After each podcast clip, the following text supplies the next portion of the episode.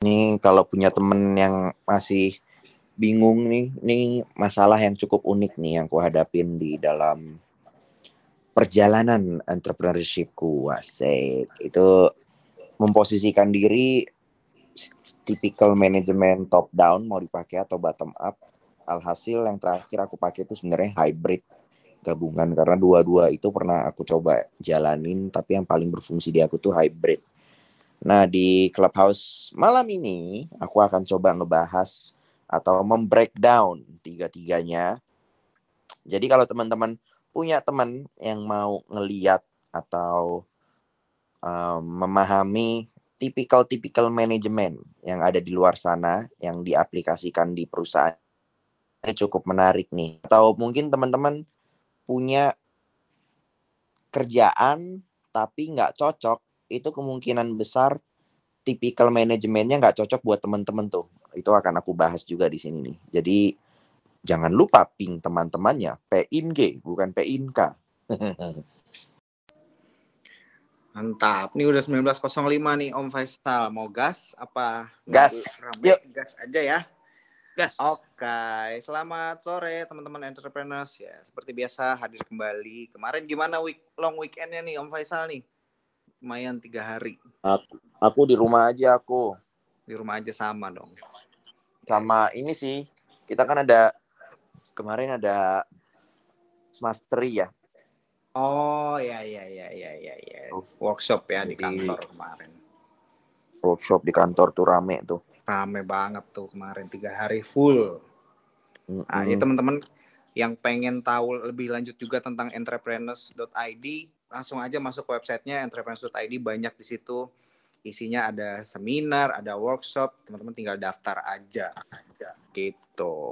Oke sekali lagi aku ingetin jangan lupa join clubhouse-nya tinggal tap yang rumah warna hijau terus follow instagram entrepreneurs.id subscribe juga youtube-nya entrepreneurs Indonesia dan juga cek-cek di Spotify. Tinggal ketik entrepreneur podcast.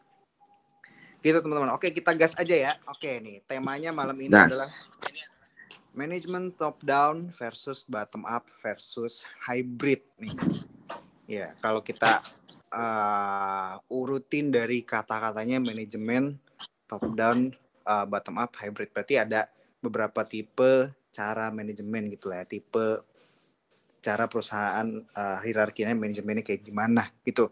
Nah mungkin tapi aku pengen tanya dulu sama Om Faisal untuk nge-breakdown si kata-kata ini dari mulai kata manajemen deh ya kan. Hmm. Sebetulnya menurut Om Faisal konsep manajemen tuh apa sih gitu? Manajemen tuh apa sih pada dasarnya gitu? Monggo. Ya, jadi manajemen kalau baca kita nge-reference ke Wikipedia, uh, manajemen adalah seni menyelesaikan pekerjaan melalui orang lain. Itu dasar kata dari manajemen. Artinya pada saat teman-teman ada di sebuah manajemen, entah itu sebagai top level uh, atau middle level atau bottom level, teman-teman itu dituntut untuk menyelesaikan pekerjaan gitu. Entah teman-teman mendelegasikan atau teman-teman didelegasikan. Itu basic dasar dari manajemen. Pada saat teman-teman sudah memahami manajemen, cara mainnya tuh banyak sekali. Bener-bener banyak banget mendelegasikan dan didelegasikan. Pada saat kita memahaminya itu benar-benar kayak seni gitu loh. Karena kita harus memahami skill uh, skill set tentang ngebaca orang skill set tentang uh, mungkin biasanya yang aku pakai kita pakai DISC jadi di kantor tuh semua orang yang masuk kantor tuh kita harus mengetahui DISC-nya apa. Atau MBTI Meyer Briggs uh, buat ngetes ada 16 personalities itu bisa dipakai juga. Yang di mana manajemen ini pasti berhubungannya sama orang untuk menyelesaikan pekerjaan. Yang dimaksud pekerjaan di sini adalah task. Jadi kalau dilihat dari manajemen, seni menyelesaikan pekerjaan menggunakan orang lain. Di sini kan ada dua sebenarnya ya, pemainnya ya, yaitu ada orang lain dan juga menyelesaikan pekerjaan gitu. Nah, menyelesaikan pekerjaan kita sebutnya sebagai task management. Jadi ada pekerjaan apa, kita bisa mecah satu persatu lalu kita bisa delegasikan ke orang-orang tersebut. Di uh, Clubhouse sebelum ini aku udah ngebahas kita menggunakan namanya basecamp.com untuk menaruh semua ide semua tugas atau semua kepentingan-kepentingan yang bisa menyelesaikan sebuah pekerjaan di dalam organisasiku. Jadi itu manajemen dasarnya manajemen tuh itu tuh di mana inti utamanya adalah manusia yang tadi dipecahkan kita harus tahu nih dia sukanya apa uh, melalui DISC atau cara komunikasi kita ke dia seperti apa melalui DISC maupun Meyer Big Meyer Briggs MBTI dan kedua memecah pekerjaan yaitu task management. Kalau mau dipecah lagi tuh bentuknya dua itu.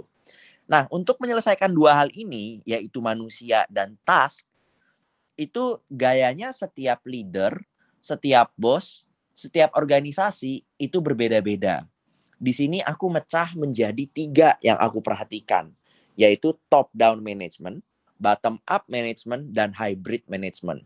Karena tiga-tiga ini pada saat dipecah, gaya menyelesaikan masalahnya berbeda, gaya mendelegasikannya juga berbeda. Sampai sini kebayang nggak ya Om Kemal ya? Jadi intinya dua kalau pada saat ngomong manajemen. Artinya sendiri adalah manajemen adalah seni menyelesaikan pekerjaan melalui orang lain. Di mana di sini ada dua dua objek yaitu pekerjaan dan orang lain. Artinya kita harus memahami skill bagaimana memecahkan pekerjaan atau task management baliknya lagi dan juga uh, human orang lain, gimana kita memanage orang lain dalam arti komunikasi kita harus baik dan seterus-terusnya.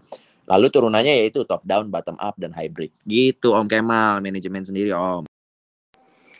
Oh, berarti manajemen itu tadi seni ya. Intinya adalah seni dari task management dan human management. Betul. Gitu. Kalau ngomongin seni kan berarti harus ketemunya sama seniman dong, Om. Kebetulan rambutku hmm. panjang nih aku seniman, Om. berarti uh, emang ada seni yang nggak nggak saklek gitu om ya ada artnya ada dicampurin sama intuitifnya kita juga seperti itu Buh, ya seru beragam macem. Kita sekarang 170 orang. Itu kita bener-bener kayak memahami manusia-manusia di dalamnya tuh sekarang lebih dalam karena ya kembali manajemen itu masalahnya dua task management dengan uh, human resource. Jadi sebagai leader utamanya ya aku harus ngasah dua skill itu. Nah, pada saat nanti teman-teman juga masuk ke manajemen, dua skill itu pun juga yang harus teman-teman pelajarin gitu. Oke, jadi gitu teman-teman. Mungkin tadi yang belum dicatat, catat dulu task management sama human management itu core-nya tuh gitu ya. Nah, tadi kan udah ngomongin manajemen itu apa. Baru deh sekarang aku tanyain top down management tuh apalagi tuh Om? Kayaknya okay. aku juga lanjut Om top down management ini adalah gaya manajemen yang paling klasik di mana leader utamanya atau CEO-nya atau direktur utamanya adalah pada dasarnya semua pengambil keputusan terjadi di atas. Makanya sebutannya top dari atas ke bawah, top down management. Leadership seperti ini uh, diperlukan seorang entrepreneurs atau seorang leader yang sangat kuat dari segala arah. Jadi leader ini tuh benar-benar kalau aku bilang ini nih. Dia spesialis generalis. Artinya apa? Pada saat dia punya tim, tim yang ngomongin finance, tim yang ngomongin marketing, tim yang ngomongin sales, tim yang ngomongin human resource, tim yang ngomongin uh, eh, IT dan seterus-terusnya, leader ini harus kuat dan memiliki skill set skill set tersebut paling tidak kulitnya top down management. Di mana rata-rata top down management itu hierarki bentuknya. Jadi dari atas CEO, habis itu turun ke bawahnya ada lima orang, ada Chief Finance Officer, ada Chief Marketing Officer, ada Chief Operating Officer, ada Chief Business Development Officer, dan seterus-terusnya. Namun semua inovasi itu harus terjadi di manajemen atas. Bawah tuh hampir nggak ada keputusan. Bawah itu bentuknya lebih kepada operating. Jadi kalau teman-teman lihat perusahaan gede tuh rata-rata tuh uh, kayak perusahaan uh, yang mungkin lahir tahun 70 80 dan sekarang besar itu menurutku karena mereka pinter menggunakan manajemen top down. Nah dari tiga manajemen ini nggak ada yang salah nggak ada yang benar ya. Ini kembali ke gayanya. Kebetulan di top manajemen yang aku lihat tuh gayanya bener-bener leadernya yang harus kuat karena kalau leadernya nggak kuat nih atau direktur utamanya nggak kuat begitu ada masalah sisi lain dia akan hamsyong di mana bawahnya di sisi bawah dari dari tadi kita leader si level, abis itu manager level, abis itu staff level. Staff level ini lebih berfungsi kepada seperti mesin. Kegiatannya itu itu aja tiap hari. Kalau dia adalah tim finance, ya kerjaannya ada tim finance dan accounting, kerjaannya hanya mencatat uang masuk, uang keluar. Uh, abis itu kalau mau IPO itu yang mikir bukan tim finance, bisa-bisa yang mikir adalah uh, CEO-nya atau direktur utamanya. Jadi uh, top down management udah dipakai nih menurutku gaya manajemen tertua nih, top down management. Di mana bener-bener si leader utamanya, direktur utamanya yang memutuskan semuanya, dia harus tahu semua angle yang akan dia bisa disikat sama orang, dia harus tahu, dia bisa harus bisa ngebaca itu. Dia harus berinovasi ke depan. Habis itu dia harus memaintain semua tim-timnya dan bener-bener kayak turunnya itu penuh dengan birokrasi. Bisa-bisa nih yang top down management pada saat mau ngurusin uang keluar senilai 5 juta rupiah harus approval paling atas top management eh top down management tuh. Jadi angle yang dipakai oleh top down management yang aku lihat itu banyak banget baby boomer menggunakan top down management. Dan biasanya top down management ini berfungsi baik pada saat orangnya adalah seorang yang dominan. Karena menurut dia menurutku nih ya menurutku top down management ini cocok di orang yang benar-benar dominan yang udah tahu mau melesai, menyelesaikan apa dan dia menurunkan semuanya ke bawahnya. Itu cocok banget tuh pakai top down management jadi bayangin kayak kita mau bikin perusahaan ya tapi perusahaan ini ber, ber, ber, ber, berfungsi sebagai perusahaan fashion. Artinya direktur utamanya nih harus paham tentang mencari ide-ide fashion yang baru. Setelah memahami itu dia harus paham digital marketingnya seperti apa. Setelah memahami digital marketing dia harus paham human resource rekrut orang seperti apa. Setelah human resource mungkin dia harus paham tentang bagaimana oper mengoperatingkan ini semua Lalu baru setelah dia paham, dia turunkan ke, ke bawahnya si level si levelnya. Si levelnya diturunkan ke bawahnya lagi ke staff-staffnya. Semua permasalahan yang terjadi di dalam manajemen top down itu kemungkinan besar leader utamanya atau direktur utamanya tahu cara menyelesaikannya. Karena dia benar-benar menyelesai karena dia benar-benar memiliki skill yang bisa menyelesaikan hampir semua masalahnya. Itu bagusnya tuh menurutku tuh. Jeleknya adalah inovasi semua tergantung dia. Itu itu bisa dibilang bagus, bisa dibilang jelek. Uh, bisa dijelek, dibilang jelek kenapa? Karena talent-talent yang ada di bawah yang mungkin berpotensi untuk menjadi seorang leader di perusahaan itu bisa-bisa nggak kelihatan atau dia nggak bisa menunjukkan diri atau dia nggak bisa unjuk gigi karena sudah kepotong dengan manajemen tengahnya dan manajemen tengah mau naik kelas juga udah kepotong dengan manajemen atas yaitu direktur utama. Jadi dengan tipikal top down management, menurutku kelemahannya itu ada di sisi human. Humannya itu untuk naik kelasnya agak sulit. Untuk ngebikin divisi baru itu agak sulit karena terpotong dengan direktur utamanya. Jadi top down ini ada plus ada minus. Plusnya adalah pada saat entrepreneurnya atau direktur utamanya itu benar-benar kuat banget itu nurunin ke bawahnya kenceng tuh cepet tuh. Karena bener-bener direktur utamanya ini sudah tahu masalahnya apa aja yang akan terjadi. Abis itu dia udah bisa berpikir bahwa kalau andai kata disikat kanan gue harus belok ke mana. Kalau andai kata masalah ini keluar gue harus jawab apa. Pada saat direktur utama atau entrepreneur utamanya memiliki skill untuk menjawab ini semua, top down management ini bisa berfungsi. Ada banyak perusahaan yang uh, menggunakan top down management. Top down management itu biasanya digunakan uh, sama multinational company. Itu biasanya top down management. Negara kita itu top down management. Uh, alhasil yang di bawah itu sulit untuk naik karena birokrasi dan kawan-kawan. Bagus, tapi ada jeleknya juga. Jadi tergantung lagi nih mau gayanya mainnya seperti apa. Gitu Om Kemal untuk top down Om Kemal. Kebayang nggak ya?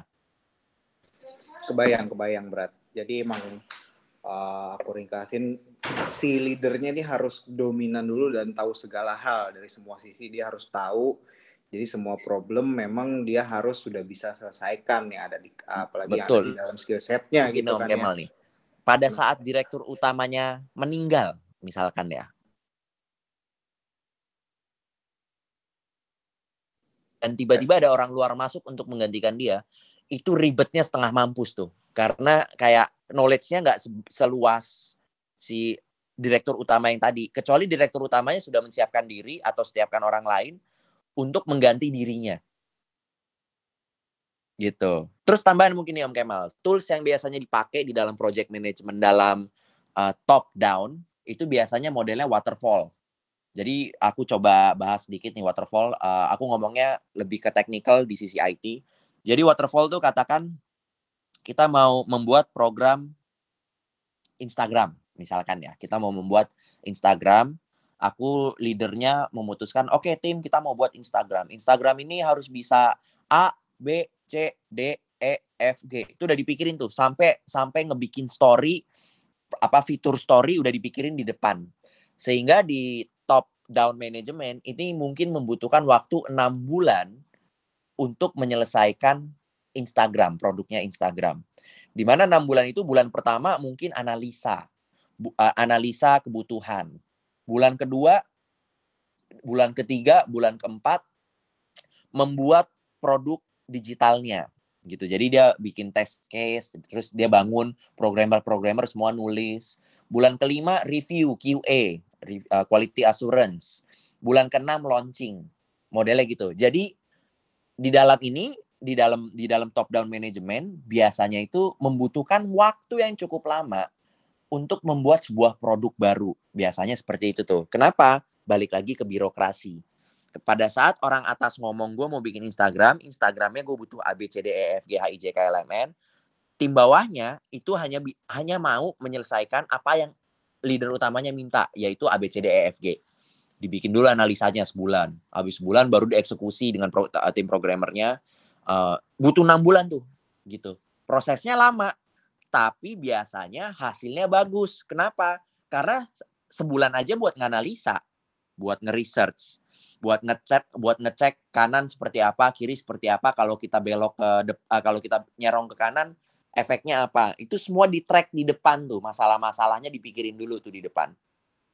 Pada saat eksekusi ya butuh waktu lama karena menyelesaikan banyak masalah sekaligus. Bagus jelek juga. Balik lagi gayanya seperti apa Om Kemal?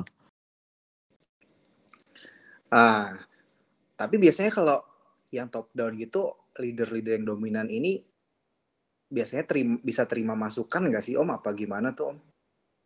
Nah, biasanya yang top down itu benar-benar masukannya tuh hanya orang tertentu yang dia mau denger. Misalkan uh, aku CEO, aku cuma mungkin mau denger lima orang, yaitu mungkin chief financeku, chief operatorku, uh, abis itu mungkin chief marketingku. Aku cuma mau denger lima orang itu karena modelnya top down. Jadi siapa yang bisikin aku di kanan, kalau bisikannya bagus jadi kalau bisikannya jelek hamsyong gitu jadi model top down biasanya seperti itu karena kalau sampai punya 2000 orang nggak mungkin tuh staff bawah tuh bisa bersuara untuk ngasih tahu bahwa Pak Faisal atau Pak Direktur Utama kalau main TikTok tuh harus gini. Wah nggak nggak masuk tuh di aku. Itu omongan itu harus dari marketingku, dari chief marketingku. Istilah kasarnya gitu tuh, Om Kemal. Oh, berarti harus betul-betul ikutin hierarki ya. Ikutin hierarki struktur di organisasinya sendiri. Oke, gitu teman-teman nih. Udah mulai mendalam nih pembahasannya. Lanjut deh Om. Kita berarti uh, langsung versus bottom up gitu. Bottom up. Lanjut. Pada dasarnya apa nih? Bottom up. Ini menarik banget nih. Aku pelajarin bottom up ini tahun 2000 saya, saya, saya, saya, sekarang 2021 ya 2020 2019 2018 aku melajarin bottom up bottom up ini banyak banget digunakan oleh startup jadi dia tidak mementingkan keputusan yang di atas alhasil dia membuat divisi-divisi sendiri jadi bayangin gini kalau tadi kita ngomongin top down itu bayangin hierarki di atas CEO bawahnya lima level adalah uh, CMO, CLO, CTO, CFO, COO dan seterusnya bawahnya baru staff-staff. Kalau di bottom up itu bentuknya bunder. Jadi bayangin CEO-nya itu di tengah bunder ya. Lalu CEO-nya ini berhubungan dengan lima bunderan di, di sekelilingnya. Di sekelilingnya lima bunderannya adalah tadi Chief Finance Officer, terus Chief Marketing Officer, terus Chief Logistic Officer, habis itu Chief Teknik uh, Teknologi Officer, Chief Marketing Officer dan seterusnya. Berbentuknya adalah bundar. Di mana pada saat ada sebuah masalah gede, itu bisa-bisa orang tengah CEO-nya tidak menyelesaikan masalah itu karena posisi yang bunder-bunder tadi mereka bisa berbicara satu sama lain. Misalkan masalahnya berada di dalam penjualan. Pasti yang ngomong nomor satu adalah marketing officer. Tim marketingnya akan ngobrol mungkin dengan teknologi. Mereka berdua bisa ngobrol sendiri tanpa keputusan CEO. CEO hanya memberikan pada saat ngobrol sama CEO kita hanya memberikan kemarin kita ada masalah Pak uh, omset menurun satu miliar. Kita sudah menemukan solusi dan kita sudah berhasil menaikkan menjadi 2 miliar. Keputusannya ada bukan berada di dalam CEO, tidak seperti hierarki top down, tapi ini lebih ke bottom up gitu. Metode yang biasa dipakai untuk manajemen bottom up itu namanya Scrum. Scrum itu kayaknya nggak ada singkatan deh Scrum. Tapi Scrum ini dulu kita pakai itu otaknya ditaruh di dalam otak-otak yang kalau tadi top down ada di direktur utama. Saat ini pada saat kita main bottom up, otaknya itu ada di kepala tim. Dia dipecah nih per tim nih. Per timnya biasanya isinya product owner, scrum master, technical, technician satu lagi tuh. Kalau salah technician namanya nih. Jadi ada tiga. Pada saat kita membuat tim, timnya itu isinya ada product owner, master, habis itu technician. Product owner fungsinya menggantikan CEO di top down. Jadi bayangin kalau tadi top down semuanya kepalanya ada di CEO, saat ini pada saat kita main di bottom up, si product owner ini menyelesaikan sebagian kecil masalah yang ada di tangan CEO. Misalkan gimana Mas Faisal? Contoh, tadi kita mau bangun Instagram. Tadi uh, direktur utama di top down itu ngomongnya saya mau A, B, C, D, E, F, G. Ide ini pada saat kita main di bottom up, tim A itu menyelesaikan masalah A, tim B menyelesaikan masalah B, tim C menyelesaikan masalah C, tim D menyelesaikan masalah D di mana di masing-masing tim ini maksimum orang per tim adalah 12 orang. 12 orang, ada product ownernya, dia berlaku sebagai mini CEO, bahasa kecil eh, bahasanya kayak gitu. Lalu ada Scrum Master, dialah yang memastikan semua kegiatan Scrum per hari, per minggu, per bulan, per tahun itu terimplementasikan dengan rapi dan terakhir adalah technical team. Siapa pun yang membutuhkan product owner bisa memutuskan saya butuh tim apa saja buat di manajemen uh, Scrum saya. Lebihnya adalah kelebihan dari ini adalah pada saat mini CEO tadi itu sudah sangat berpengalaman sebagai product owner, itu timnya melejitnya tingkat dewa tuh. Melejitnya tingkat dewa pas kita pakai ini dulu CTO kita tur, tur CTO kita itu turun juga menjadi product owner. Dia itu udah tahu semua tuh isi dalemannya importir dia udah tahu cara ngiklan dia udah tahu uh, angka mana produk apa yang laris dia udah tahu dan dia megang produk importir waktu itu. Itu melejitnya cepet tuh. Apa yang harus diketahui itu untuk meningkatkan produknya. Kalau timnya baru apalagi belum punya pengalaman sebagai product owner, apalagi nggak bisa berakting atau berrole apa ya, menjadi seorang product owner atau mini CEO, ini amburadul aku ada nih tim yang kayak gini nih. Sekarang timku satu, dulu bikin event kerjaannya, sehari itu mungkin dia kerja satu setengah jam, sisanya itu main PS di kantor. Kelebihannya adalah kalau ketemu orang yang tepat bagus itu bisa berkembang dengan cepat dan sisiku juga bebannya sangat berkurang karena beban ini banyak di tim Scrum tersebut mini CEO tadi kekurangannya adalah kontrolku hampir tidak ada pada saat kita ngomongin sebuah Scrum team karena keberhasilan atau kegagalan Scrum team tersebut sebetulnya itu ada di tangan product owner ini. Di dalam bottom up, di dalam Scrum, itu CEO itu fungsinya adalah support mereka naik. Itu bukan berbentuk direct. Jadi hierarkinya hampir nggak ada nih. Jadi andai kata uh, aku cuma bisa ngomong sebagai direktur utama ya ceritanya ya. Aku ngomong, guys, aku mau bikin Instagram. Ujungnya aku maunya A, eh ujungnya aku maunya Z. Tolong semuanya tim Scrumku pikirin gimana bikin bisa mencapai Z. Nah, tadi udah kebentuk tuh tim A, tim Scrum tim A, Scrum tim B, Scrum tim C, Scrum tim D, Scrum tim E, Scrum tim F dan seterus-terusnya. Tapi giliran ada satu yang bolong nih yang si B tadi nggak nggak nggak ada pengalaman, habis itu skill setnya nggak lengkap untuk menjadi seorang mini CEO, ini tim pasti hamsyong. Karena memang fungsi di bottom up itu adalah desentralisasi gitu. Kalau tadi ngomongin top down itu centralized, kalau bottom up itu decentralized. Jadi typical manajemennya decentralized. Ini dipakai di banyak startup. Biar lebih gampang nih ngebayanginnya. Gojek. Gojek tuh dulu dipegang Nadim. Habis itu ada GoPay. GoPay itu yang megang bukan Nadim tuh teman-teman. GoPay itu dipegang oleh seorang entrepreneur ya yang dulunya membuat produk namanya aduh aku lupa Arisan kalau nggak salah deh. Namanya Arisan. Orang itu dijadikan CEO-nya GoPay. Dan apa pun yang terjadi di GoPay itu adalah urusan kamu, bukan urusan Nadim lagi. Paling dasarnya gitu tuh. Kalau kita ngomongnya bottom up. Tapi kembali, Nadim itu udah meng-hire orang entrepreneur yang sudah valid, itu lulusan Harvard yang yang tadi aku sebutin, dia lulusan Harvard juga tuh. Lulusan Harvard sudah punya jiwa entrepreneur, sudah cocok banget untuk memegang produk yang namanya GoPay. Jadi pada saat kita main bottom up, itu leader utamanya juga harus tahu bahwa pada saat GoPay hancur atau tidak, itu sebenarnya tangannya banyaknya ada di CEO GoPay, bukan di CEO Gojek. Gitu. Jadi Bottom up biasanya makanya metode Scrum. Lalu kalau tadi di top down makanya adalah uh, waterfall model untuk menyelesaikan sebuah platform tuh ya. Uh, Instagram tadi contohnya itu mungkin butuh enam bulan. Kalau Insta kalau di bottom up itu mungkin butuh sebulan. Per bulan per bulan dia menyelesaikan tugas. Gimana ngomongnya ya?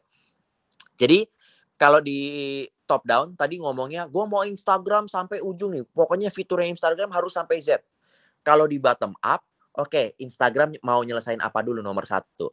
Instagram mau upload foto, bisa upload foto. Oke, okay, minggu ini kita selesaikan upload foto. Dia bikin tuh timnya.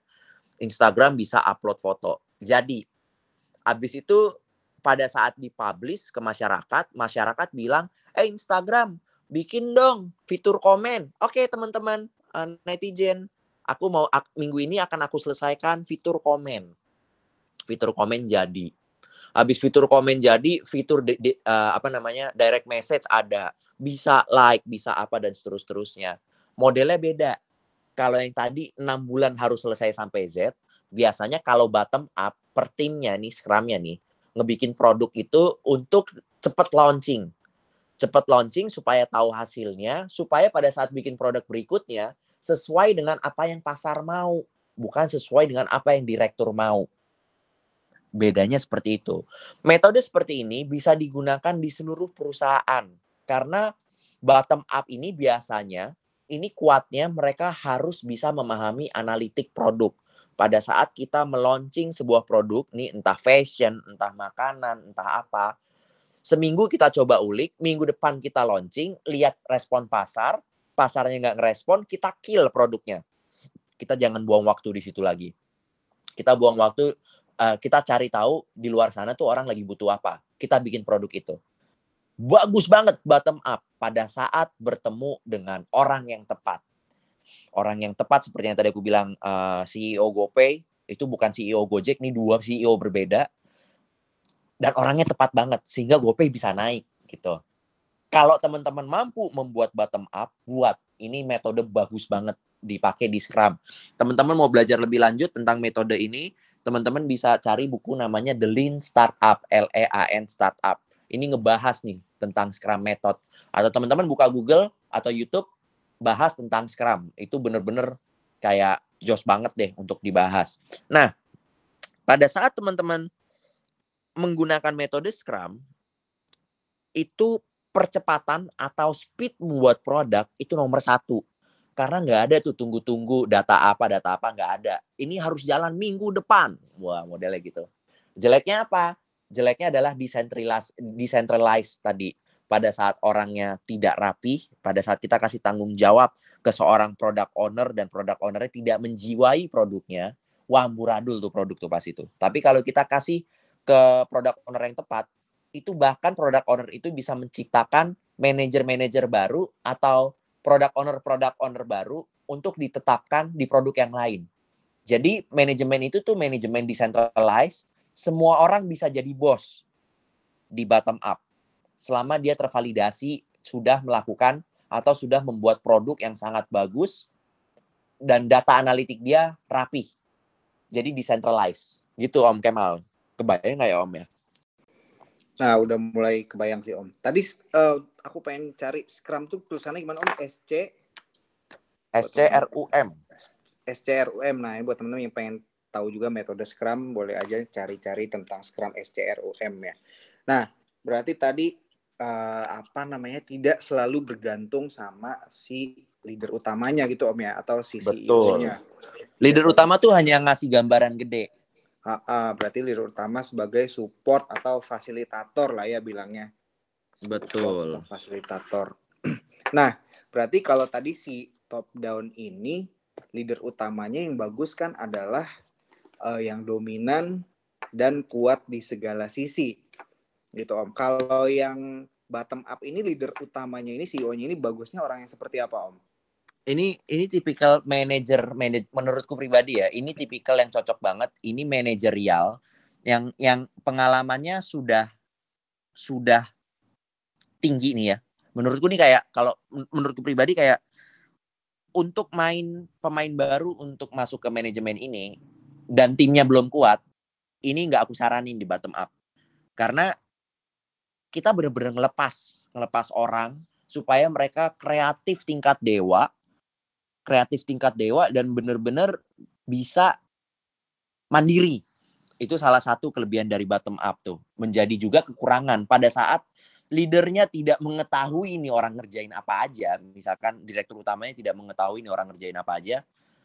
Itu kayak ya tadi yang aku bilang pengalamanku sampai buset ini jam kerja main uh, nonton YouTube, jam kerja main PS, ada yang bawa PS ke kantor. Keren sih kayak secara secara kan rata-rata gitu ya jam jamnya bebas gitu. Tapi pas aku coba jalanin pribadi produk ownernya nggak kuat eh, dia main mulu malah. Produknya nggak jadi jadi jadi repot gitu. Dan untuk pemain baru khususnya kalau mau start di startup dan co-foundernya sudah ketemu semua itu main di bottom up enak. Karena creativity dari setiap orang tuh harusnya kuat visinya harusnya kuat alhasil bermain metode Scrum tuh kayak jos banget. Aku dulu sampai ke sekolahin dua orangku loh untuk dapat sertifikasi Scrum. Untuk naro sampai naro uh, metodologi ini kerangka kerja dari Scrum berfungsi di kantorku. Tapi balik, nggak semuanya cocok di metode Scrum. Kalau yang aku alamin sendiri ya, maka dari itu ada hybrid. Ini habis ini kita bahas hybrid. Gitu. Oke, mantap. Berarti teman-teman udah kebayang lah tadi ya uh, perbedaannya nih top down sama bottom up dari mulai uh, approval pengambilan keputusannya. Kalau top down tadi kan harus approve sampai ke atas tuh ya kan. Kalau bottom up mungkin bisa di mini CEO-nya atau leader leader uh, masing-masing product owner-nya gitu. Jadi si CEO-nya atau direktur utamanya nggak terlalu ikut ikut ambil keputusan gitu kari Om ya. Nah, Eh, kira-kira nih kalau hybrid nih berarti apa nih Om yang dicampurin? Hybrid itu kan artinya pencampuran ya atau penggabungan. Nah, ini kira-kira apa nih yang digabungin dari dua itu? Karena yeah. aku lihat kan memang bertentang cukup bertentangan kan, cukup kontradiktif.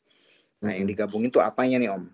Nih, ini yang saat ini aku pakai dan paling cinta menurutku manajemen hybrid ini uh, digabungkan antara top down dan bottom up.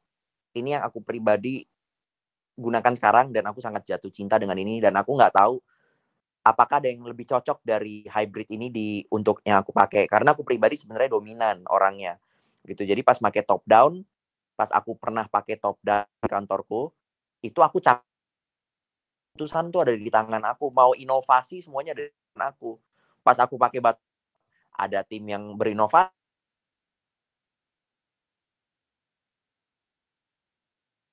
ngomongin si B itu si B tuh nggak produksi tuh bla bla bla bla bla. Alhasil lahirlah hybrid. Ini terjadi pada saat covid. Jadi pas covid kemarin kita masih pakai scrum. Habis itu setelah covid kita kan sempat merumahkan uh, 50% rumah kita eh rumah kita kantor kita. Mulai merubah metode. Metode yang dipakai bisa dikatakan hybrid itu gabungan antara top down sama bottom up tapi kalau aku pribadi sekarang sebutnya namanya uh, organisasiku nih, uh, kita sebutnya namanya human organization. Wasik. Kita ada 170 timnya saat ini dan kita saat ini mengejar 34 cabang di 34 provinsi menggunakan metode hybrid atau metode human organization. Kayak gimana sih Mas Faisal maksudnya? Bayangin organ manusia di tubuh kita nomor satu tuh biasanya larinya ke otak gitu. Otak ini adalah fungsiku. Jadi hampir seluruh inovasi yang terjadi di kantor itu adalah aku gitu. Hampir ya, nggak semuanya ya. Nah, habis dari otak, informasi itu biasanya diturunkan ke backbone atau tulang punggung atau sebutan lain apa ya? Bukan sumsum ya, tulang belakang. Tulang belakang ini adalah orang-orang yang bisa menyelesaikan masalah atau bisa berinovasi dan menyebarkan informasi ke organ tubuh yang lain. Bisa ngikutin nggak sampai sini ya? Jadi saat ini aku setiap pagi 8.30 sampai dengan jam 11 sekarang makin ekstrim tuh. Itu meeting dengan tim backbone gitu.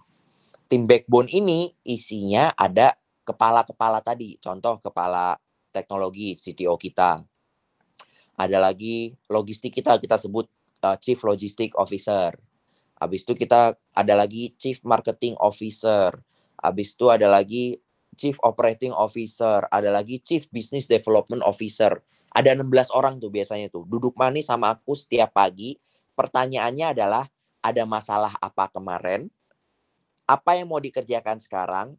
Besok kita mau bikin apa? Rata-rata begitu tuh isinya tuh standarnya. Ini ditentukan di dalam meeting backbone tadi, itu semua masalah tuh harus keluar. Karena yang akan membantu menyelesaikan masalah itu bukan hanya aku, tapi 16 orang tadi tuh. Sebenarnya ini kan top down ya, tapi bottom up loh. Karena pada saat masalahnya dicetuskan, masalah utama tuh bukan aku, tapi lebih kepada mungkin CTO kita ngomong juga di situ. Terus uh, eh, COO kita ngomong juga di situ. Oh kayaknya ini bisa selesai dengan gini gini gini gini gini. Oke, abis ini kita uh, meeting lagi ya. Kita akan selesaikan dengan teori ini. Dan itu terjadi di tim backbone. Setiap pagi 8.30 uh, eh, hingga jam 11 tuh. Dulu sih 8.30 sampai 9.30. Sekarang proyeknya makin banyak, ininya makin banyak, apa namanya orangnya makin banyak, alhasil kita mundur waktunya. Nah, dari tim backbone pada selesai pada selesai pada saat selesai waktu meeting tim backbone, tim-tim yang tadi disebutkan tuh CLO, COO, CBDO, CTO dan kawan-kawan, dia menyampaikan lagi pesan dari hasil meeting tersebut ke timnya. Kalau tim programming kita kita sebut tulang. Jadi mereka adalah tulang karena fondasi kita tuh sebenarnya teknologi di depan. Banyak orang berpikir bahwa uh, perusahaan kita nih event di depan, padahal enggak, kita nih teknologi di depan. Hampir uh, tim terbanyak di kantorku tuh tim IT gitu. Jadi tulang, dialah yang menyangga semuanya. Bahasanya gitu. Tulang ini menyangga semuanya karena semua produk yang kita buat itu pasti diselesaikan dengan teknologi. Makanya tim tulang sebutannya gitu. Kalau tim operasional kita adalah darah, gitu. Jadi circulatory uh, apa yang namanya organ. Semua sirkular yang ada di tubuh kita itu disebutnya uh, diselesaikan oleh uh, operating officer kita. Jadi masalah uh, legal, masalah HR, masalah uh, GA dan kawan-kawan itu diselesaikan oleh tim darah. Gitu. Nah, tim CS kita nih atau tim sales kita itu kita sebutnya kulit karena dia bagian paling depan. nah, di hybrid penyelesaiannya adalah keputusan itu bisa diambil oleh direktur utama atau di sini contoh kasusnya adalah aku. Namun tim backbone itu bisa merekomendasikan atau juga bisa memutuskan jika datasetnya tepat. Contohnya gimana Mas Faisal? Kita mau bikin Instagram. Balik ya ke Instagram ya. Aku punya mimpi sampai Z katanya. Aku mau bikin Instagram, aku mau bikin Z. Oh kalau gitu mas, kita bikin A dulu dong. Kita bikin satu minggu. Oke, bikin satu minggu. Jadi satu minggu, terus aku bilang, aku maunya C. Habis itu. Oh nggak bisa mas. Data kemarin mas Faisal mengatakan bahwa seribu user kita mengatakan bahwa kita harus bikin B. Di situ aku nggak bisa berkata yang lain selain kamu bener. Mari kita bikin B. Beda dengan top down yang di mana isinya adalah aku aku mau aku apa ya kamu eksekusi. Kamu nggak usah ngobrol lagi yang lain deh eksekusi aja mau aku istilah kasarnya gitu. Bisa bener juga nggak salah juga. Di hybrid kalau kamu ngomongnya pakai data, bos kamu bisa salah kalau data kamu ngomong bener nih, ngomongnya datanya mengatakan harus ke B. Udah, bosnya bisa salah. Jadi hybrid nih menyenangkan. Ini gabungan antara Scrum dengan waterfall model tadi kalau kita ngerjain tugas. Di mana setiap harinya kita menyelesaikan tugas, kita menanyakan inovasi-inovasi baru di khususnya di backbone ya. Itu obrolannya semuanya inovasi baru. Kita udah nggak ngobrolin uh, datang kontainer besok gimana itu udah nggak ada obrolan itu itu selesai di tim shipping itu udah bener-bener kayak model scrum tadi tim shipping udah pusingin itu bagaimana operasionalnya. Aku sebagai orang utamanya aku tuh udah nggak pernah tahu ada berapa hari ini kontainer masuk berapa eh, nomor ID berapa apa komplainnya seperti apa itu aku udah nggak tahu tuh. Karena fungsiku fungsinya tim backbone itu adalah inovasi. Setiap hari itu kita ngobrolnya hanya inovasi, tidak ada bentuk operasional yang kita lakukan terus-menerus. Itu menariknya dari hybrid yang aku sebut tadi adalah uh, human organization, human organization. Jadi intinya di hybrid adalah menggabungkan top down posisi masing-masing orang agar orang yang baru masuk itu bisa juga menjadi bos. Karena kita selalu berinovasi produk dan pada saat produknya terinovasi, kita butuh orang untuk mengisi produk tersebut menjadi produk ownernya. Namun, tetap kita butuhkan mimpi utamanya, si direktur utamanya, inovatornya di dalam tim backbone untuk membuat ini semua. Kebayang nggak ya Om Kemal? Ini aku kayak loncat-loncat nih, beribet banget nih. Tapi paling menyenangkan tuh menurutku hybrid. Ini versi buatku sendiri ya. Paling cocok aku pakai hybrid tadi. Gitu Om Kemal. Nah, berarti ya kalau tadi apa namanya ya? Inovasinya tetap di CEO-nya nggak kayak yang bottom up tuh yang bawah bisa inovasi juga gitu ya om tapi betul dari dari bawah bisa juga argumen dengan data ya kan betul kalau betul CEO udah tahu salah ya harus nurut gitu kan ya istilahnya. Mundur, mundur. Hmm, harus ikut juga gitu. Jadi emang hybrid. Tapi hybrid ini nggak harus selalu kayak gitu kan Om ya. Harus maksudnya dari teman-teman yang di sini pun maksudku pasti harus punya kayak adaptasi sendiri sama yang teman-teman punya gitu. Jadi nggak nggak harus saklek sama yang Om Faisal praktekin Benar juga kan. Benar. Karena adap adaptasi untuk ke kita sendiri atau istilahnya ambil uh, ambil apa yang kita denger ini input ini dengan grain of salt apa ya bahasa Indonesia apa ya pokoknya apa itu iya gitulah pokoknya jadi jangan ditelan mentah-mentah gitu hmm, oke okay. iya ini udah 1948 nih om aku mau buka sesi tanya jawab nih kalau gitu yuk oke teman-teman yang di bawah pengen pengen tanya-tanya langsung Wih, aja ada Om Faisal nih. Sabi. Oke, ada nih. Om Faisal juga nih. Om Faisal Yahya nih. Silakan Om uh, Faisal. pemain teknikal nih di IT nih. Halo Om Faisal, apa kabar Om? Halo, halo, selamat Halo, Om malam. Faisal. Malam. Silakan, Om, sharing. Tanya, Om. atas. Eh, sama-sama pelaku startup ini, Pak. Jadi eh, mungkin menarik insight-nya tadi yang masalah center di tengah ya. Jadi kalau kita bicara dari sisi hybrid, apakah eh, jalur eh, apa ya chain of command ya kita katakan pengambilan keputusan itu masih berlaku atau eh, dengan adanya konsep hybrid itu chain of command itu udah hilang jadi eh, ini menarik terima kasih paparannya. Namanya kebetulan sama ya pak? Iya Om. Eh, ya mungkin gimana tuh pak pandangannya? Kalau kita katakan dari sisi chain of command saya juga kebetulan memang pelaku startup tapi eh, ya kalau dari sisi Scrum saya setuju memang eh, kebanyakan seperti itu. Tapi untuk tech industry ya kalau non tech mungkin eh, saya masih terbatas daya visualisasinya kayaknya masih agak sulit cuman yang tadi dari sisi chain of command itu Pak Faisal Di hybrid ya Om. eh, konsep hybrid yes kalau kita kita lihat ya dari paparannya tadi yang kita gabung CEO-nya itu di tengah kan tadi ya Mm-mm. di mana kan eh, apa ya Pak Faisal itu kan kita punya pemahaman bahwa yang namanya chain of command itu dari atas ke bawah ngalir gitu. Tapi kalau di tengah tuh gimana gitu Iya, ya iya. bayangannya gitu. Nah, kalau kalau tadi sebenarnya yang yang di tengah tuh bottom up kalau menurutku pribadi ya. Tapi kalau di hybridku itu chain of command-nya kayak top down. Kayak top down, tapi divisi-divisinya itu berbentuk bottom up. Kebayang nggak ya, Om? Oke. Jadi Divisi chain of command berbentuk bottom up. betul. Jadi kayak kayak misalkan uh, kita punya kita lagi ada ide baru nih, ide ide cukup lucu.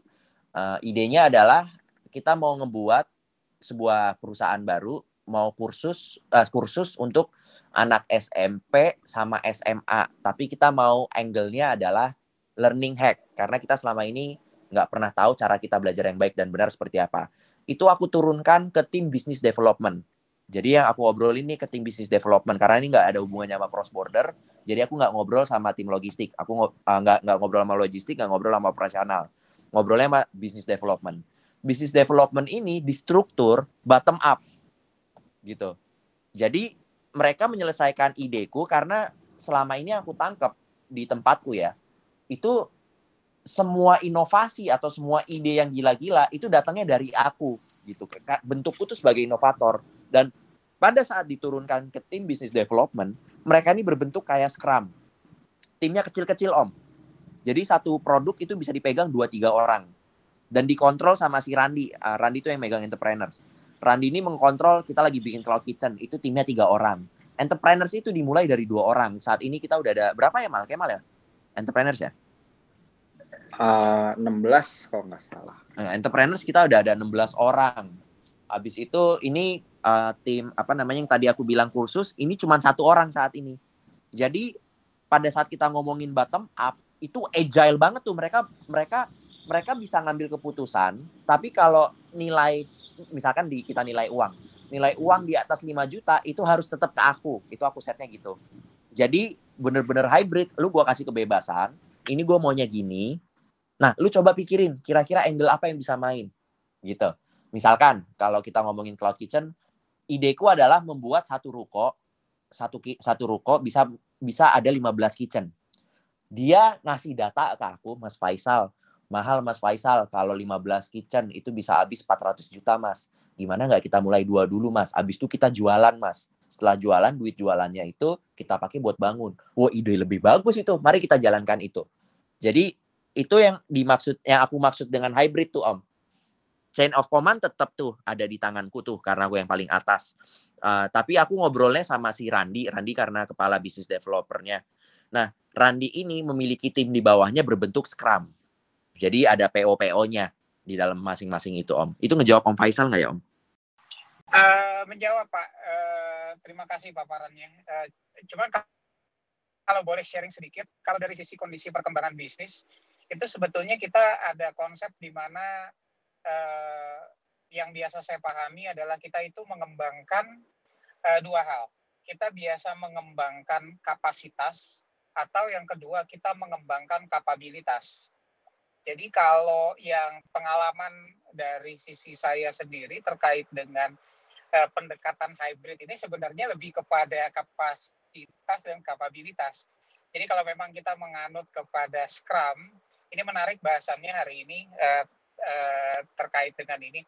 Jadi ketika kita berbicara pengembangan kapabilitas, berarti kita doing uh, checking on the market kita melihat bagaimana respons market. Tadi paparannya itu ya, produk di kill ya tadi kalau memang respon marketnya jelek.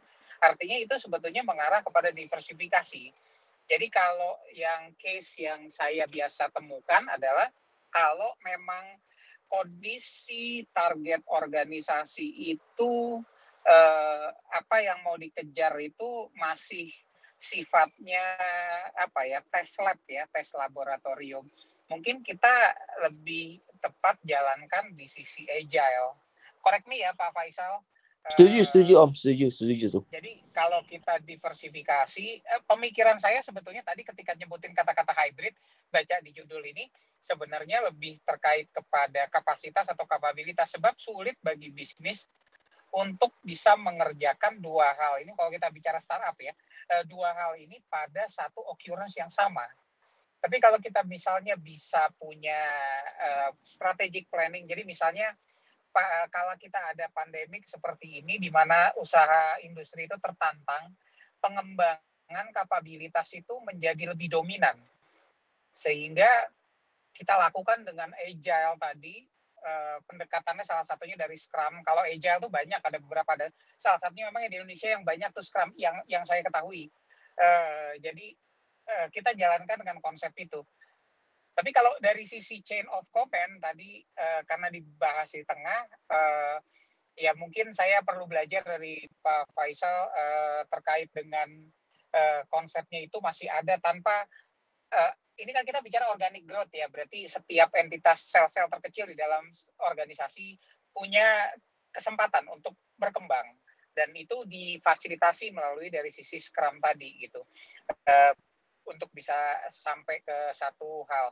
Uh, sedikit terkait uh, chain of command Pak Faisal kalau boleh uh, uh, apa uh, ada pertanyaan tambahan mungkin? Uh, apakah model perubahan saat kita merubah dari top down ke bottom up? Pengalaman Pak Faisal ya. Uh, top down ke bottom up kemudian berubah lagi ke hybrid apakah jalur chain of command ini eh, apa namanya berubah, Pak? Wah ya. itu itu PR banget bener kemarin tuh, khususnya dari top down ke bottom up ya. Uh, itu karena sebenarnya pas kita walaupun kita pakai top down di tempatku, itu tim IT ku semuanya udah pakai bottom up gitu. Jadi waktu itu CTO kita memang uh, secara teknologi dia udah pakai Scrum, dia full Scrum di dalamnya setiap pagi meeting Scrum 15 menit. Uh, dia pakai sprint dua minggu uh, untuk untuk produksi uh, produk. Lalu pas kita memindahkan top down ini menjadi full bottom up, itu aku sekolah sampai sekolahin dua orang tadi. Ini ada Putri nggak di sini? Tadi ada Putri itu kayaknya. Itu aku sekolahin dua orang untuk merubah organisasiku dan pada saat kita melakukan itu, itu mungkin butuh sebulan kali om buat adjustment, buat bener-bener adjust. Karena sampai aku aja nanya nih ke namanya Alan waktu itu, Mas Alan sama Putri, ini udah bener belum? Refleksku udah bener belum? Aku juga ngebenerin refleksku. Pada saat aku karena dominan ya kadang-kadang aku masuk ke timnya, ubek-ubek timnya, Mas nggak boleh kayak gitu Mas. Oke aku mundur. Jadi mungkin butuh satu bulan dan waktu itu timku masih kecil, timku di 80 waktu itu kalau nggak salah di 80 programmer sendiri 20 eh 13 apa kalau nggak salah deh. Jadi jadi butuh waktu, tapi chain of command-nya di bottom up itu aku putus gitu istilah kasarnya bener-bener uh, definisi Scrum yang dipakai bener-bener aku pakai. Nah, pas udah mengetahui kelemahan dan kelebihannya si Scrum, kebetulan COVID itu langsung tak rubah semuanya. Karena aku merasa kayak ini nggak cocok manajemen ini di aku. Alhasil aku harus berubah dan pada saat merumah merumahkan 50% kantorku, itu waktu yang tepat untuk aku rubah lagi. Di situ baru tuh hybrid keluar, human organizationku keluar. gitu Om Faisal. Mungkin ngejawab nggak tuh ya Om? Menjawab Pak, uh, saya ada pertanyaan lain tapi saya nggak mau menguasai diskusi ini buat saya sendiri. Mungkin persilakan untuk yang lain barangkali. Boleh Om, abis ini Om lagi Om, abis Tante Grahita nih. Lagi. Tante Grahita, halo. Halo Mas Faisal. Halo, halo semua. Halo. Hai kita Mas Faisal, kemarin kan ada itu di supply chain room. oh iya Tante. iya, gini, tadi tuh aku sebenarnya raise hand karena pertanyaanku itu sebenarnya mirip-mirip sama pertanyaannya Mas Faisal. Jadi um, di perusahaan yang aku sekarang ini kan um, aku masih corporate slave lah ya. Jadi aku um, di global corporation gitu dan kita itu lagi ada um, transformation. Jadi business model transformation gitu. Nah transformationnya ini adalah uh, merubah dari yang material jadi service oriented, jadi supply chain oriented, teknologi oriented. Nah, um, impact-nya apa? Tentu saja impact-nya itu adalah cara manajemennya berjalan kan harus um, harus adjust gitu kan. Kita nggak bisa dari yang top down terus udah gitu uh, keep top down dengan demand dan dan produk-produk yang akan kita yang akan kita bangun. Nah, tadi uh, nyambung ke pertanyaannya Pak Faisal itu um, menurut Mas Faisal, um, skill set skill set skill set apa sih yang harus kita investasi ya? Uh, apart uh, mengirimkan orang untuk uh, training Scrum yang harus juga kita uh, gimana ya kita roll out ke ke orang-orang dan ke apa sih ke employees untuk mengubah mindset kita dari yang top down jadi ke hybrid. Kita nggak ngomong dari top down jadi uh, kita nggak ngomong masalah kontras dari top down ke bottom up karena kan kalau di global corporate kayaknya jauh lebih susah iya, ya jauh tuh susah banget tuh. Tapi itu benar-benar susah. Nah kita nih mau nyobanya dari top down ke hybrid dulu lah gitu. Nah kadang-kadang kita udah nyoba. Misalnya kalau dari tim aku sendiri gitu uh, kita emang pakai uh, pakai scrum uh, tapi kadang-kadang juga orangnya kagok gitu loh. Ini kita nih tiba-tiba jadi punya power yang lebih besar gitu. Kita ini ini enggak yang kita melakukan aneh malah ya.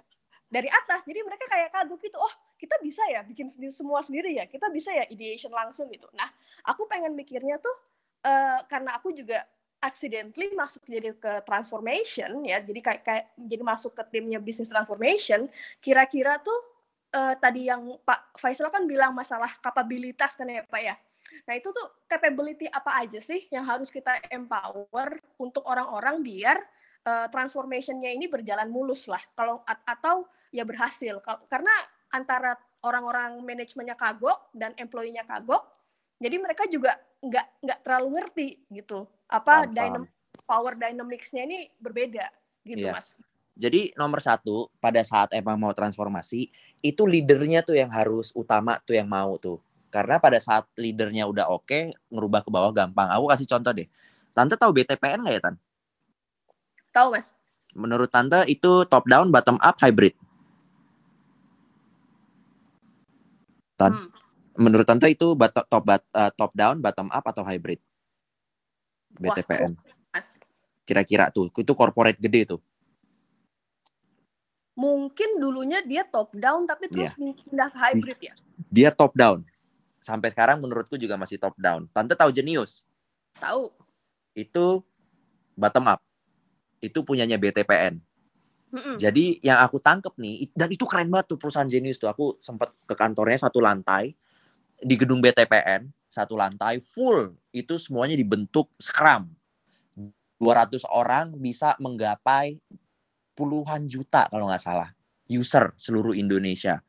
Timnya top menurutku itu terjadi karena si leader utamanya itu memutuskan ini harus dibedakan timnya. Timnya harus dibedakan, dibentuk satu dari nol, isinya anak muda semua. Tapi kalau tante naik ke atas BTPN-nya, itu bisa-bisa nggak semudah yang di Genius gitu. Jadi ngelihat dari sini, aku tuh bener-bener ngelihat bahwa kalau memang CEO-nya pinter dalam organization ya, dalam berorganisasi, itu dia mau masuk ke bottom up, mau masuk ke hybrid, itu pasti dengan mudah dia masuk ke situ. Namun permasalahan pertanyaan tante, menurutku nanti mungkin Om Faisal juga bisa bantu tuh. Menurutku jawaban yang paling utama itu pemahaman Scrum sendiri itu dia eh pemahaman hybrid sendiri itu dia mungkin butuh sebulan sampai tiga bulan buat adjust. Skill setnya apa aja? Menurutku skill set project management sama task management itu nomor satu tuh yang paling harus dikuatin. Kalau di kantorku sekarang kita pakai Basecamp, kita full Kanban. Sampai-sampai itu semua orang kalau bisa di training uh, paling nggak dua, dua minggu sekali lah untuk adjust ke dalam sini.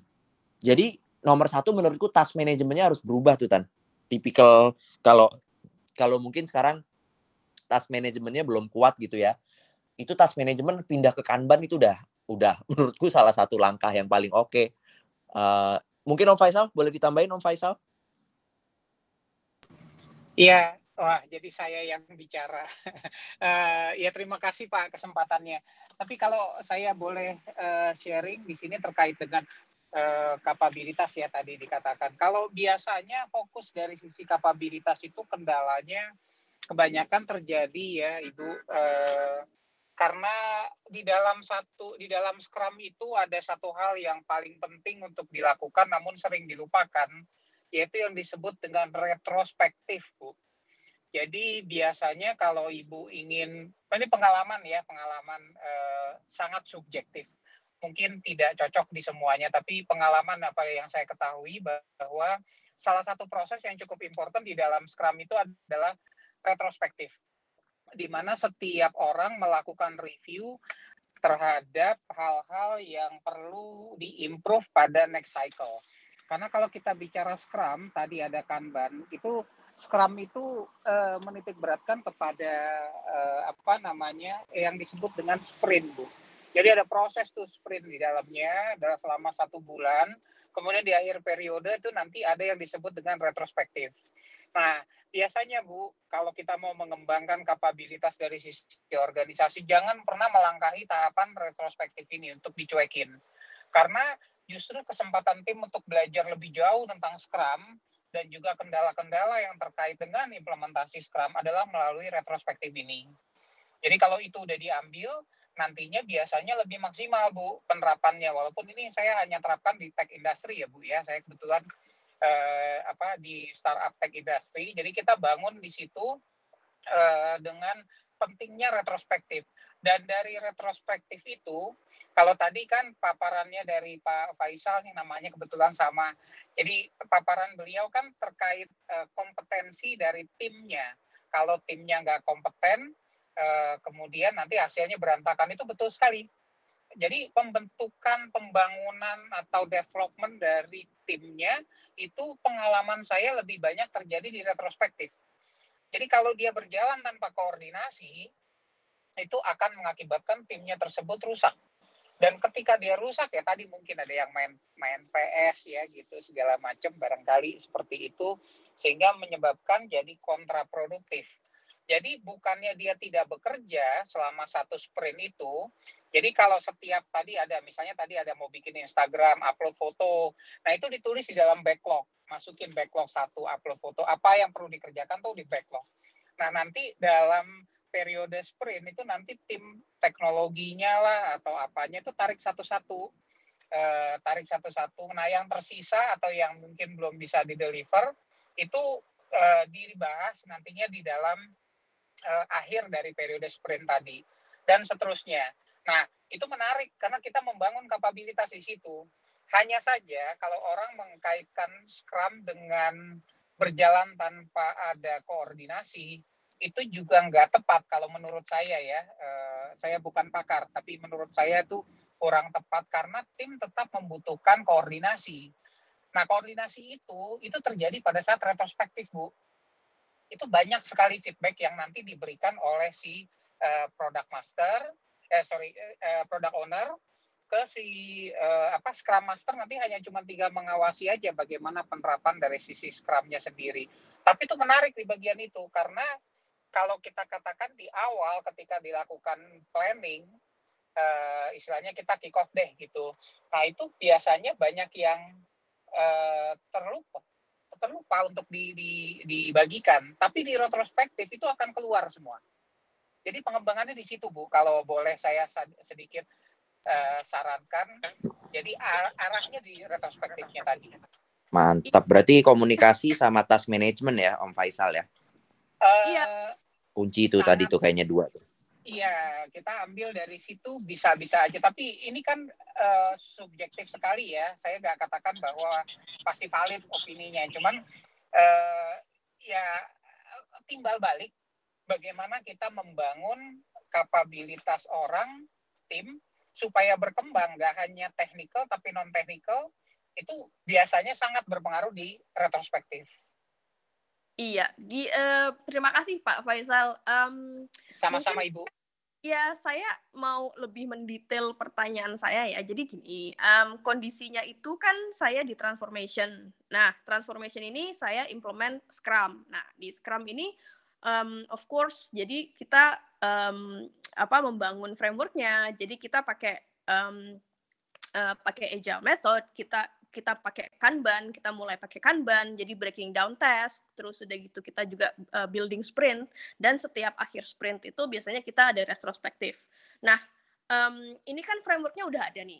Nah, dan dan ini kita juga mau roll out, jadi untuk mengencourage orang-orang juga untuk um, cara kita eksekusi ini nanti kayak begini, kita nggak uh, nggak nggak akan uh, main waterfall lagi untuk uh, untuk um, tipenya juga kita nggak bakal full bottom up, kita juga pakai hybrid kan. Jadi untuk uh, dari CEO-nya, uh, CEO-nya misalnya ke saya gitu nanti um, kayak tadi Mas Faisal tadi bilang masalah backbone itu emang begitu nanti untuk di benar-benar di execution-nya itu baru pakai Scrum. Nah, pertanyaan detail saya itu lebih kepada um, soft skill apa sih yang yang dibutuhkan? Karena saat saya retrospektif gitu misalnya sering kali itu orang-orang yang di retrospektif saya itu nggak mau ngomong gitu loh mas.